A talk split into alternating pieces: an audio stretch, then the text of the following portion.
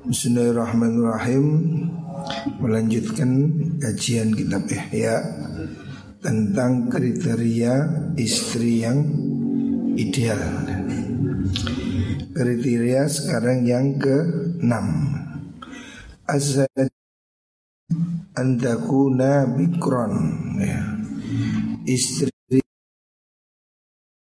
yang keenam ya hendaknya masih gadis ya yang keenam, yang kelima apa?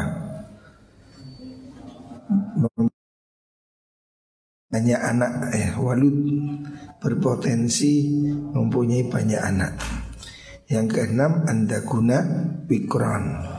Hendaknya istri itu masih gadis. Ya. Kemarin yang pertama apa? Yang pertama wanita yang beragama. Yang kedua beragama.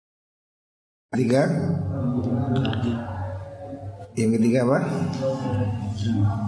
Cantik Yang keempat Maharnya murah Yang kelima Mempunyai keturunan Tidak mandul Yang keenam Perawan ya, Jadi disunahkan Atau dianjurkan Menikahi gadis Qala alaihi salatu wassalam li Jabirin wa qad nakaha thayyiban. Kanjeng Nabi dawuh pada sahabat Jabir di mana sahabat Jabir menikahi janda. Halla bikran tula'ibuha wa tu'ali wa tula'ibuka. Nabi mengatakan kenapa kamu tidak memilih gadis supaya dia kamu bisa bermain dengan dia dia juga bermain dengan kamu. Artinya gadis ini kan masih sangat menarik gitu. Fil bikaroti salah satu fawaidah. Milik istri masih gadis ini ada tiga faidah. Yang pertama, ihdaha an tuhibba zauja wa ta'lafuhu fayu'thiru fi makna wuddi. Faidah pertama istri itu kalau masih gadis Dia itu sangat mencintai pada suaminya. Sehingga mereka akan lebih banyak mencurahkan kasih sayang. Jadi gadis ini kan belum banyak pengalaman. Sehingga dia sangat mencintai suaminya. Waqad qala ta'ala oh waqad qala sallallahu alaihi wasallam Alaikum bil wadud Hendaknya kamu Alaikum netapono siro Bil wadudi kelawan wadon kang Banget demene Wanita yang sangat mencintai pasangannya. Watiba utawi wata. Iku majbulatun. Kang den tarik alal unsi ing atase. Aring aring itu seneng ya. Bi awali ma'lufin kelawan kawitane wong kang den demeni. Orang ini secara naluri mencintai yang pertama. Cinta pertama mati. Makanya orang yang menikahi gadis itu lebih dimungkinkan kalau istrinya itu akan sangat mencintai dia. Itu suami yang pertama ya. Tapi seorang janda mungkin dia sudah punya referensi cinta yang lain sehingga bisa jadi kurang kadang. Wa amal anapun utai wadon ikhtabarat kang jajal sopo allati ar-rijala ing piro-piro wong lanang wa ma rosat kang wa ma rosat kang akan al ahwala ing biro-biro tingkah iku farubbama la tardo Monggo terkadang ora ridho sopo alladhi Ba'dul awsofi Ing sebagiani piro-piro sifat. Alladhi tukhalifu kang nulayani opo usof Ma ing perkoro U kang condong sopo alladhi u ing ma. Wanita pengalaman dengan pasangan yang lain akan membandingkan dan merasa kurang senang dengan yang ini dibanding dengan yang itu gitu. Kalau orang menikahi sudah pengalaman pernah bersuami apalagi sudah beberapa kali maka dia sudah punya banyak pengalaman dan referensi tentang laki-laki sehingga dia bisa jadi tidak senang di sini seneng yang ini, seneng yang itu. Kan orang ini ada plus minusnya.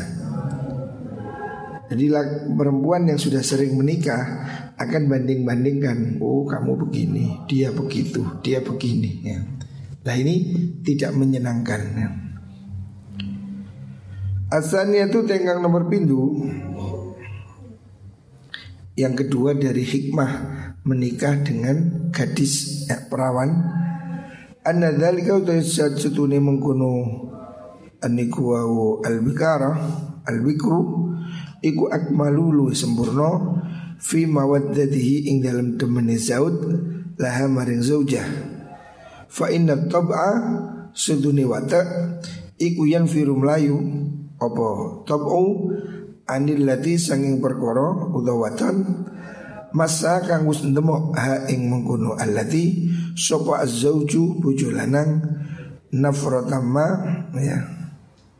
Kelawan melayu banget. Artinya secara naluri ya. Naluri laki-laki.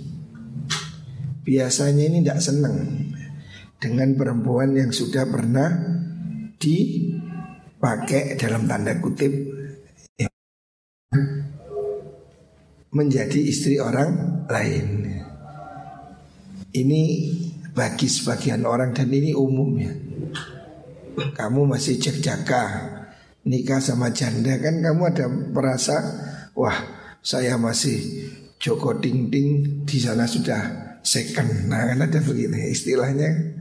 Ya walaupun tidak senegatif itu ya.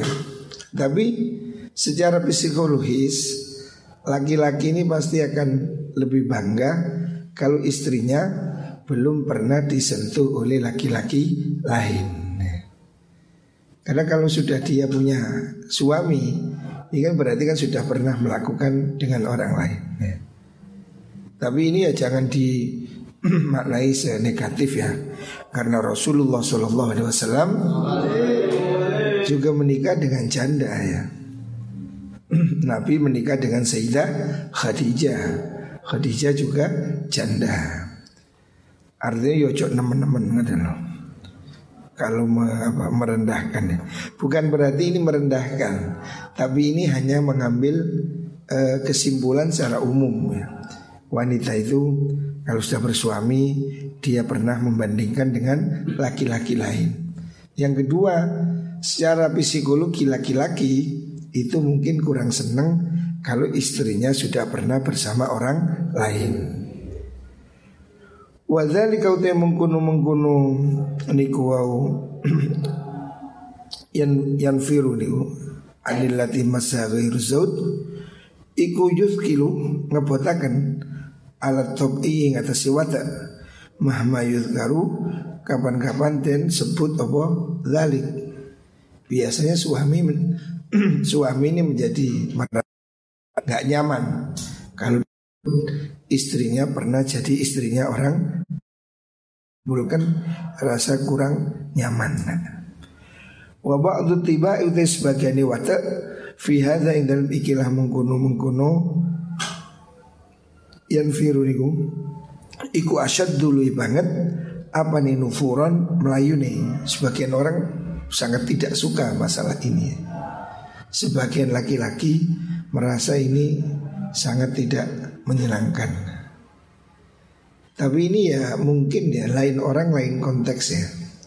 Ya seperti contoh saya sendiri ya. Saya sendiri setelah ditinggal mati istri saya berpikir menikahi janda karena dia bisa merawat anak saya. Nah, begitu, tidak ada pertimbangan lain. Tapi yang masih jejaga ya kayak kamu masih Joko Ting Ting mungkin menikahi janda sesuatu yang kurang menyenangkan. Bagian laki-laki merasa tidak suka. Asal telu iku anha seduni mengkuno mar'ah iku la tahunnu ora condong sapa mar'ah ila zauji maring bojo al awwali kang kawitan.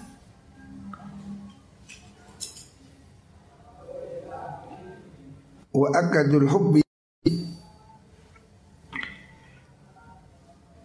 utawi luweh kukuwe iku ma yaqau ora tumipo ma'al habibi serta kekasih al awwali kang kawitan ghaliban ing dalam kaprai bahwasanya suami yang memilih istri sudah janda ya janda ini biasanya tidak menyukai suaminya yang pertama ya. Artinya ini juga menimbulkan satu pertanyaan Kenapa dia tidak menyukai suaminya Ya sebagian orang begitu ya Mempertanyakan Intinya Ini hanya sebagai alasan ya. Kalau bisa ya, Rasulullah SAW Menganjurkan pernikahan itu Dengan seorang gadis ya. Kalau masih ada Kecuali kalau janda itu mungkin istimewa Tidak apa-apa. Tapi bukan berarti dilarang ya. Bukan dilarang menikahi janda tidak dilarang. Tetapi lebih bagus ya. Ini kan Bihya ini Imam Ghazali mengatakan Yang membuat hidup lebih nyaman. Imam Ghazali Secara umum Orang itu akan nyaman bila istrinya begini, begini, begini ya. As-sabi'atu tekang nomor pitu Yang ketujuh sekarang. Itu antakuna Yang do'ono sebuah mar'ah Iku nasibatan wadon kang duweni nasab Kriteria wanita ideal yang ketujuh Hendaknya dia ini mempunyai nasab mulidini Sangking ahli omah agomo. Maksudnya hendaknya wanita itu diambil dari orang yang keluarganya itu taat beragama. Bukan orang yang ya mohon maaf PKI maunya. Bukan orang yang fasik ya. Karena anak yang tumbuh di dalam rumah tangga yang taat beragama Nasab yang bagus itu mewarisi sifat-sifat yang bagus. Ini secara umum ya. Wasalahilan kebagusan fa innaha sedunia mengkono mengkono mar'ah iku satu rabbi bakal didik Tiha ing piro-piro anak wadone mar'ah wabaniha lan anak lanangi mar'ah Hendaknya kamu menikah itu memilih turunan orang baik-baik ya. Istri nasabnya ini minimal ya walaupun bukan kiai tidak harus kiai ya. Tetapi nasabnya ini bagus ahli kebaikan, ahli ibadah maksudnya. Nasab ini tidak harus raten, pangeran bukan. Imam Ghazali menggarisbawahi andaku namin ahli baitid din dari kalangan orang yang taat beragama. Baik itu kiai atau bukan kiai. Yang penting rumah tangga itu tumbuh dalam ajaran yang benar. Sebab dia istri ini nanti akan menjadi ibu dari anak-anak laki perempuan dan ibu itu akan menjadi sekolahan pertama al um madrasatul ula ibu itu sekolah yang pertama. Sebelum anak-anak pergi ke TK, ke PAUD, sejak bayi anak-anak ini sudah ngaji pada ibunya ya. Belajar kebaikan melalui ibunya. Kalau ibunya baik, bayi anak sudah diajari sholawat, zikir ya, nyanyian yang bagus ya. Ini penting karena anak-anak kita ini akan tumbuh oleh ibunya. Kalau ibunya tidak beragama atau tidak taat, akan sangat mempengaruhi pada Faida lam takun mongko nalikane ora ono sapa zaujah niku iku muadzibatan kang bisa didik abatan kang den didik lam tuh mar'ah at tiba ing didik wata ngeramut kalau ibunya tidak ngerti pendidikan tidak pernah mendapat pendidikan yang baik maka dia tentu tidak bisa mendidik anaknya dengan baik ya. Walidhalika krono mengkono mengkono mengkono. Antakuna nasibah niku. Qala dawu sapa Rasulullah sallallahu alaihi wasallam Iyakum wa qaddamin Iyakum wadiyo sira kabeh Iyakum wadiyo sira kabeh Wa khudara ad-dimani ing kang ayu ya, itu dik tapi tumbuh dalam lingkungan yang jelek ya. Khudara wanita cantik tapi dari keluarga yang tidak baik gitu lah. Istilahnya khudara'at dimani. Fakilah ma khudara'at dimani. Yang dimaksud apa itu? Qala al-mar'atul hasna Al-mar'atu yaiku wong wadon al-hasna'u kang ayu yang cantik Mbati ing dalam gon cukul asui kang Allah Anak cantik tapi tumbuh dalam lingkungan yang buruk ya Artinya Rasulullah SAW tidak menganjurkan istri walaupun cantik kalau dia tumbuh dalam lingkungan yang jelek. Umpama nih lahirnya di doli. Penting terkontaminasi oleh ya gitu-gituan itu. Jadi jangan kamu memilih istri yang tumbuh dari lingkungan yang jelek atau keluarga yang jelek ya. Waqala sallallahu alaihi wasallam tahayyaru linutfikum. Tahayyaru milio sira kabeh. Takhayyaru milio sira linutfikum maring mani sira fa innal irqa sedune otot maksudnya asal itu induk itu iku nizaun kang akeh nersepi maksudnya sesungguhnya nasab itu sangat nurun ya. Nah, artinya kalau sekarang ya sel, nah, gen itu sangat nurun ke bawah. Bukan hanya manusia, burung pun kalau anaknya burung bagus ini mahal. Kuda, anaknya kuda bagus, anaknya mahal. Ya. Karena dipercaya gen ini menurun. Ya. Makanya seandainya bisa, kamu harus memilih untuk mani, untuk spermamu ini pilihlah tempat tumbuh ya. Kan sperma ini ibarat Al-Qur'an kan faktu harsakum supaya ditanam ya. Ditanam di mana kan di sawah. Sawahnya siapa? Nisa hukum harus lakum. Pilihlah tempat nanam yang bagus ya. Sebab gen itu menurun. Menurun. Fa inal irqa nizaun. Ya. Ada tarikan. Ya tapi ini tidak harus ya, tidak harus harus apa? Kalau nggak ini nggak ya, ya pilih yang imbang lah untuk kamu ya. oh, kalau sekelas kamu mau, mau cari anaknya wali ya mungkin susah ya. Ya yang penting kamu cari pasangan itu tidak orang yang jahat, bukan orang yang jelek gitu loh. Tidak harus spesial anaknya Habib, mau tidak harus.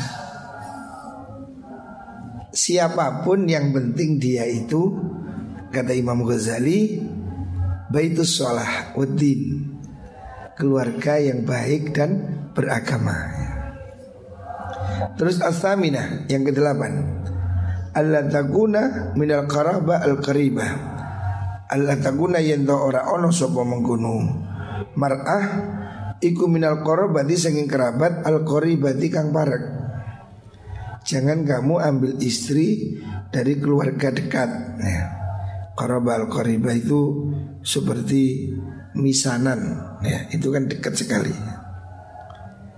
Fa inna dzalika sudah mengkuno qaraba al karibah iku yuqallilu akan apa dzalik asyahwata ing syahwat. Kalau kamu menikahi saudaramu yang dekat, kalau saudara kandung kan tidak boleh. Misanan contohnya. Misanan ini kan anaknya bibi. Itu boleh dinikahi. Tapi itu tidak bagus. Karena apa? Syahwatnya kurang. Kan biasa ketemu dulure dewe apalagi saomah kan efeknya menjadi gairahnya kurang lah kalau gairahnya kurang anaknya nggak ada ngantuan kok ngantuk ngantuan nih energinya kurang gitu kalau ada sama Rasulullah Sallallahu Alaihi Wasallam Latang jehu aja nikahi sira al korobata ing kerabat al koribata kang parek. Kamu jangan menikahi kerabat dekat. Nah. Fa innal walada sudene anak iku yukhlaqu den dadaaken sapa anak dohyan halikan guru menjadi anaknya itu guru. Eh bukan berarti yang guru ini ah, jelek ya. Tapi yang dimaksud guru itu apa mungkin bungkring lah bungkring apa kurus kering gitu lah ya. bungkring bungkring apa kurang ini lah kayak pohon layu itu loh ya. alum ya wis guru ngantukan turuan nah itu mungkin efeknya tadi itu gak kurang sahwat gitu. Bapaknya enggak ini kurang semangat. Nah. Aina hifan tegesi wong kang guru. Tiare arek sing guru iku ngono. Kurang.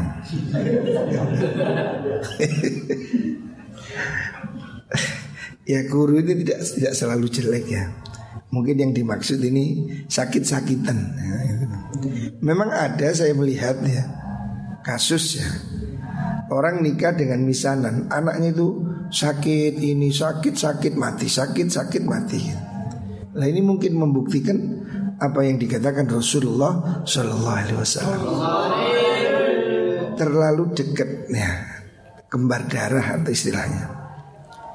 Wadhalika utai mengkono mengkono korobah niku iku li ta'thirihi krono oleh ngelapeti dalik fi tadhifi syahwati ing dalem ngelemahaken syahwat. Karena kalau kamu menikahi kerabat dekatmu yang kamu sudah biasa kenal maka semangatmu itu jadi kurang. Ndredek-ndredeknya itu kurang. Sensasinya kurang. Is biasa kumpul kan? Akhirnya gini gua syahwatnya menjadi tidak maksimal Faina syahwata sudah syahwat iku innama tambah itu angin pasti dari tangi apa syahwat? Biku watil ihsasi kelawan kuati penger, pengeroso. Biasanya syahwat ini sensasi tinggi ya karena ada apa rangsangan. Binadri kelawan ningali walam silan demek. Wa inna ma yakwa angin pasti jadi kuat opal ihsasu ngerosok sensasi itu bil amri kelawan perkoro al ghoribi kang indah al jadidi kang anyar. Biasa sensasi itu kalau masih baru ya baru kenal itu kan setrumnya tinggi. Tapi les biasa ketemu kan Coro tegangan listrik sudah lemah ya. Tapi kalau baru kenal Ini kan masih deg-degan, masih apa gitu lah. Sehingga menimbulkan efek semangatnya lebih kuat. Wa amal ma'hudu anapun wadon kang Gusten kenali orang yang sudah diketahui alladzi damakang langgeng opan nadru ningali ilaihi maring al mahud muddatan sein dalam sak mongso fa innahu sudene mungkudu al mahud ya orang yang sudah dikenal iku yudhaifu ngapesaken ngelemahkan al hissa ing pengeroso ya sensasi apa rasa ini ya kurang gitu loh bahasa sekarang apa ya Istilahnya kalau kamu itu sudah biasa kenal itu kan sudah tidak terlalu tertarik ya. Makanya syahwatnya juga kurang kencang kan. Antama mi idraki saking sempurnane nemu ing al-hissu. Wa ta'assuri lan nompo labat bihi kan mengkono al mengkono mengkono al-hissi Wala tambah itulan ora jadi tangi bi iklan mengkuno mengkuno al mahud opo asyahwatu syahwat. Nah karena kalau sudah biasa syahwat ini sudah biasa makanya orang ini ada guyonan ya. Orang ini tidak perlu jamu. Kalau bujuni anyar ya kuat mana sebab apa? Semangatnya baru. Kan ada guyonan bapak-bapak sama ibu-ibu diajak ke peternakan sapi di Bogor sana. Terus sama guide-nya dibilang ini sapi Australia hebat ini bu. Satu sapi jantan bisa naik 10 kali. Wah Ibu-ibu ngeremeng gitu pak Kuat naik 10 kali Bapak-bapak nanya 10 kali itu Betinanya sama atau ganti? Ya ganti pak Lalu kalau ganti saya juga kuat Gak kuat 10 kali karena betinanya tidak ganti Nih kalau betinanya diganti ya 10 kali juga kuat. Nah, nah ini artinya orang ini akan tertarik dengan pasangan yang baru gitu. Lebih bujuni ya biasa-biasa tirapi nomane ya semangat mana karena ada ini sensasinya baru itu. Lah orang yang menikahi saudara dekatnya itu seperti orang yang sudah lama suami istri, gregetnya sudah kurang. Makanya dia tidak agresif orang sekarang, kurang agresif. Ya. Kan ini biasa. Ya sama dengan orang sudah nikah 10 tahun, mungkin sudah tidak agresif. Suci bemanten anyar. Oh, iso keramas ring limo. Lagi 10 tahun seminggu sepisan. Telung puluh tahun saulan sepisan. Nah, ini semakin menurun ya intensitasnya. Karena apa? Nger, orangnya belenger. Ada saya punya temen ini kiai, istrinya cantik. Terus, terus suatu saat nikah sama pembantunya. Ireng ya, ya mohon maaf elek. Terus semua kan heran tuh, yo bujuni ayu, kok rabi mana elek. Tak jawab ya biasa. Wongi mangan kulit terus melengger kepingin mendol.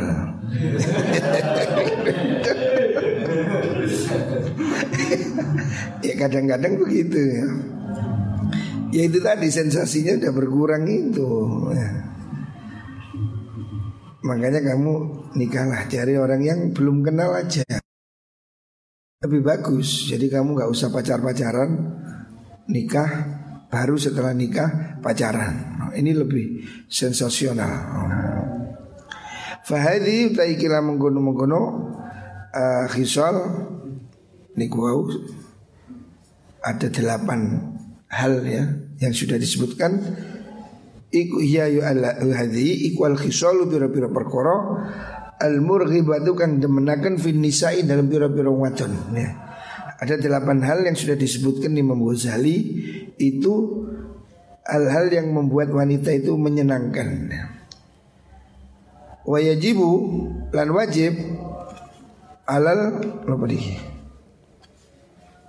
Napa Alal wali ing si wali aidan halimane apa yuraiya yang ngrekso sapa wali khisal zauji ing pira-pira pekertine bojo lanang. Tadi delapan hal itu kriteria calon suami untuk memilih calon istri. Tetapi dari pihak istri wali juga sedemikian punya kriteria untuk ngambil mantu gitu loh. Ojo sak tepake. Waliandur lan becik ningali sapa wali? Matihi maring wadon mulyani wali. Fala yuzawwiju mongko ora ngrabeaken sapa wali? Ha ing karimah mimman saking saah saah kang Allah apa khulquhu ahlake? Mengkono dadi animan. Hendak hati-hati ya. Sebagai pemilik anak perempuan hendaknya dia milihkan calon suami anaknya itu jangan seenaknya. Jangan sampai milih orang yang akhlaknya jelek ataupun rupanya jelek ya. Allah atau apes opo dinuhu agamane mengkuno uh, man atau agamanya nggak jelas Au qasura utawa pepeko sopaman anil kiami sanging jumenengi pihak-pihak kelan hakim mengkuno karimah. Itu laki-laki yang tidak mampu bertanggung jawab. Au kana utawa ono sopaman ikula yukafiuha. Sopaman ha ing karimah Fi nasabiha ing dalam nasabi karimah. Wali memang boleh ya memilihkan mantu anak namanya wali mujbir, bapak ya kakek. Tetapi dia tidak boleh sembarangan. Bapak tidak boleh memilih tidak seimbang, tidak kufu ya, dalam nasabnya ataupun dalam agamanya. Ya. Jangan sampai santri putri dinikahkan sama anak pang, itu kan tidak kufu ya. Situ yang ngaji, situ yang ngamen. Ya, enggak, enggak, enggak imbang ini. Qala sallallahu alaihi wasallam An nikahu riqqun Falyanzur ahadukum Aina yadau karimatahu? An nikahu te nikah iku rikun koyok dati akan budak. Nikah itu mengikat seperti Ya bukan budak tapi seperti ya seakan perbudakan Fal yandur moga buci ningali sapa hadukum salah suci sira kabeh aina ing dalem endi ya dau nyelehaken sapa had karimah tahu ing wadon mulyane utawa perawane ahad ya. Karimah itu anak gadis Hendaknya seorang wali itu memilih untuk calon mantunya, is, suami anaknya itu hendaknya dipilih. Jangan sampai pernikahan itu berujung dengan perceraian. Delon disi. Fikirkan dulu. Wal ihdiyatu hati-hati fi haqqi yang dalam haqqi mar'ah al karimah iku aham penting li anha rasulullah mungkun mar'ah iku raqiqatan kaya budak binikahi sebab nikah La makhlasu orang nonggon selamat iku mewujud lah kedua mar'ah. Orang menjadi istri itu kan seakan menjadi tawanan ya. Dikuasai suami. Maka jangan sampai gadis baik-baik diberikan pada laki-laki yang tidak baik ya. Jadi suami juga cari istri yang baik. Wali sebagai pemilik anak ya Menguasai anak itu Jangan sampai memberikan anak gadisnya kepada laki-laki yang tidak tanggung jawab, yang jelek, yang tidak beragama dan tidak seimbang, ya, tidak kafaah.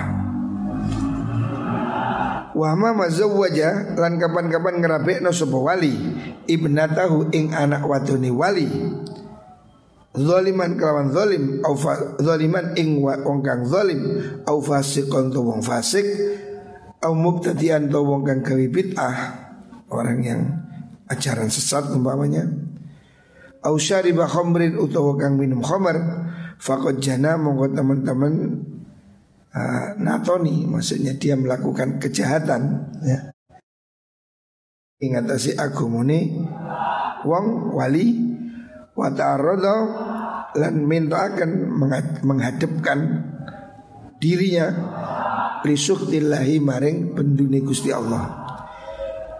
Lima kurang perkara Kuti akan jen pedot apa ma min haqqi rahimi saking haqqi hubungan sanak wasuil ikhtiari lan Siapa wali tidak bertanggung jawab mencarikan anak mantu yang jelek ya. Siapa orang cari mantu sembrono sehingga anak gadisnya ini menderita, maka dia telah melakukan dosa. Dia telah melakukan kesalahan ya. Dan dia akan dimurkai Allah karena dia telah memutuskan hubungan rahim. Artinya anak ini dengan dia jatuh ke orang yang tidak berhak maka hubungannya kan jadi jelek dengan keluarganya. Umpamanya anak kiai, dulure ngaji kabeh, ono sing dirapekno maling, umpamanya kan jadi dibenci oleh saudaranya kan. Kiai kiai kok tadi iki copet. Nah itu bila ini dia akan membuat dia jadi terasing. Lah memilih yang begini ini dosa. Wa qala lan ngucap sapa rajulun wong lanang lil Hasani maring Imam Al Hasan.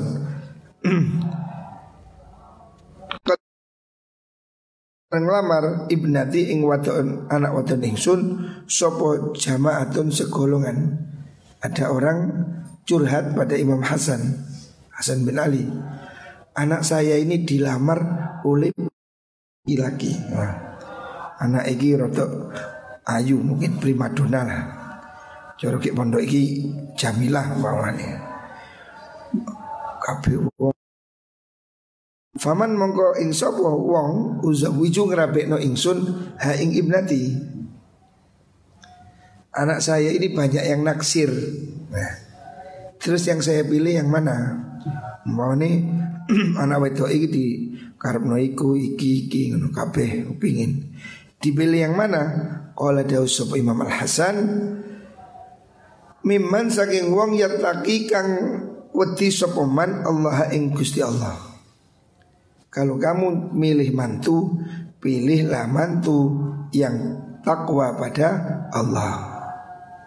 Kuncinya ini. Fa in ahabbah lamun demen sopoman ha ing mar'ah ha ing Bukan dalam sekali ah lam yadlimha mongko ora gawe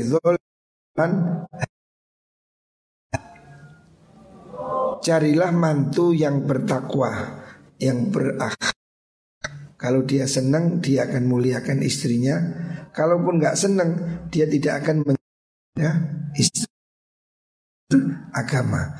Agama ini kan melarang berbuat zalim. Ya. Walaupun pada istri itu tidak boleh rek, Ngamplengi, mukul. Tidak boleh. Tidak boleh. Istrimu itu bukan sarung tinju Bukan untuk dipukul ngawur Istri itu diciptakan dari tulang rusuk. Tulang rusuk di mana? Di sini lah. Tulang rusuk ini di di dekat jantung untuk kamu cintai. Ya. Di dekat tangan untuk dilindungi.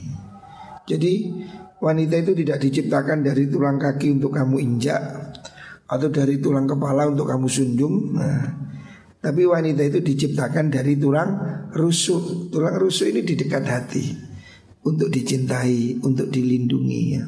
Bukan untuk ditinju ngawur Kadang ada suami itu Tidak boleh Loh Al-Quran boleh memukul Iya Bukan ngaplok nah, Memang Al-Quran itu memberi satu terapi untuk suami dalam mendidik istri. Tapi memukulnya tidak boleh mukul wajah dan tidak boleh melukai. Itu pun sebagai langkah terakhir ya. Kalau wanita-wanita itu nusus ya Walati takhafuna nusuzahunna Fa'idhuhunna. Pertama solusinya kasih nasihat. Selanjutnya Wahjuruhunna fil madhaji.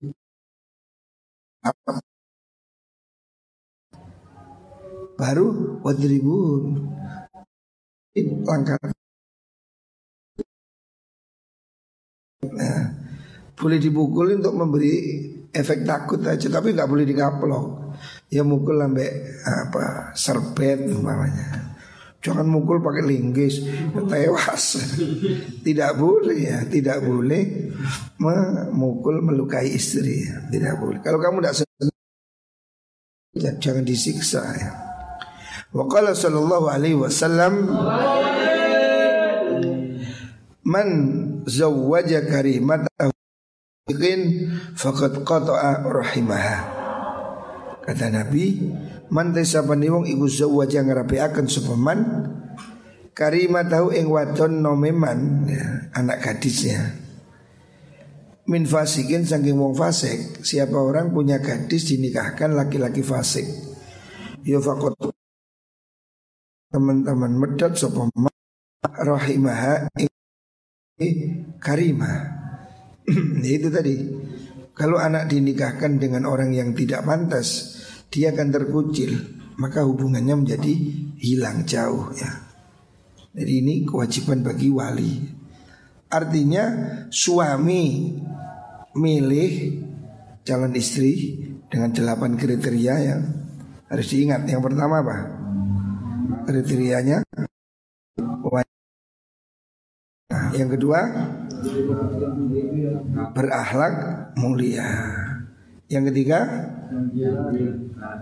cantik. Ya, cantik ya penting. Ya. Cantik menurut standar yang umum ya. Yang keempat maharnya ringan. Yang kelima tidak mandul, dia punya anak ya. Yang keenam gadis. Jadi gadis ini kriteria juga ideal. Yang ketujuh yang baik ya. Yang kedelapan bukan kerabat dekat ya. Itu delapan kriteria yang disebut Imam Ghazali dalam kitab Ihya ini untuk menjadi pilihan para calon suami ya. Jadi kalau kamu cari suami, cari istri, cari yang begitu. Tapi sebaliknya bagi perempuan ya walinya yang memilih hendaknya walinya juga memilih calon suami untuk anaknya yang seimbang yang baik akhlaknya, agamanya, nasabnya dan seterusnya. Jangan sampai gadis baik-baik dinikahkan dengan laki-laki yang fasik ya. Itu zalim dan istri boleh minta pembatalan ya. Itu tidak tidak sah bisa Bila bapaknya menikahkan dia dengan laki-laki yang tidak kafaah Itu gadis itu boleh mengajukan tuntutan ke pengadilan Untuk membatalkan. Karena apa? Itu haknya ya. Wanita itu harus dapat suami yang standar, yang seimbang. Jadi nggak boleh Bapak terus mulai bucu ele-elean cek kapok. Nggak boleh. Kontak rapi anu tambeng-tambeng kan tak rapi Hamzah Tiga ngeten-ngeten ini Tidak boleh. Jadi Tidak boleh wali itu menikahkan anak untuk ngapok no Tak keren bucu sing Anu eh Cek kapok Tidak boleh. Harus seimbang ya, Tidak boleh. Moga-moga Kabeh diparingi jodoh sing saya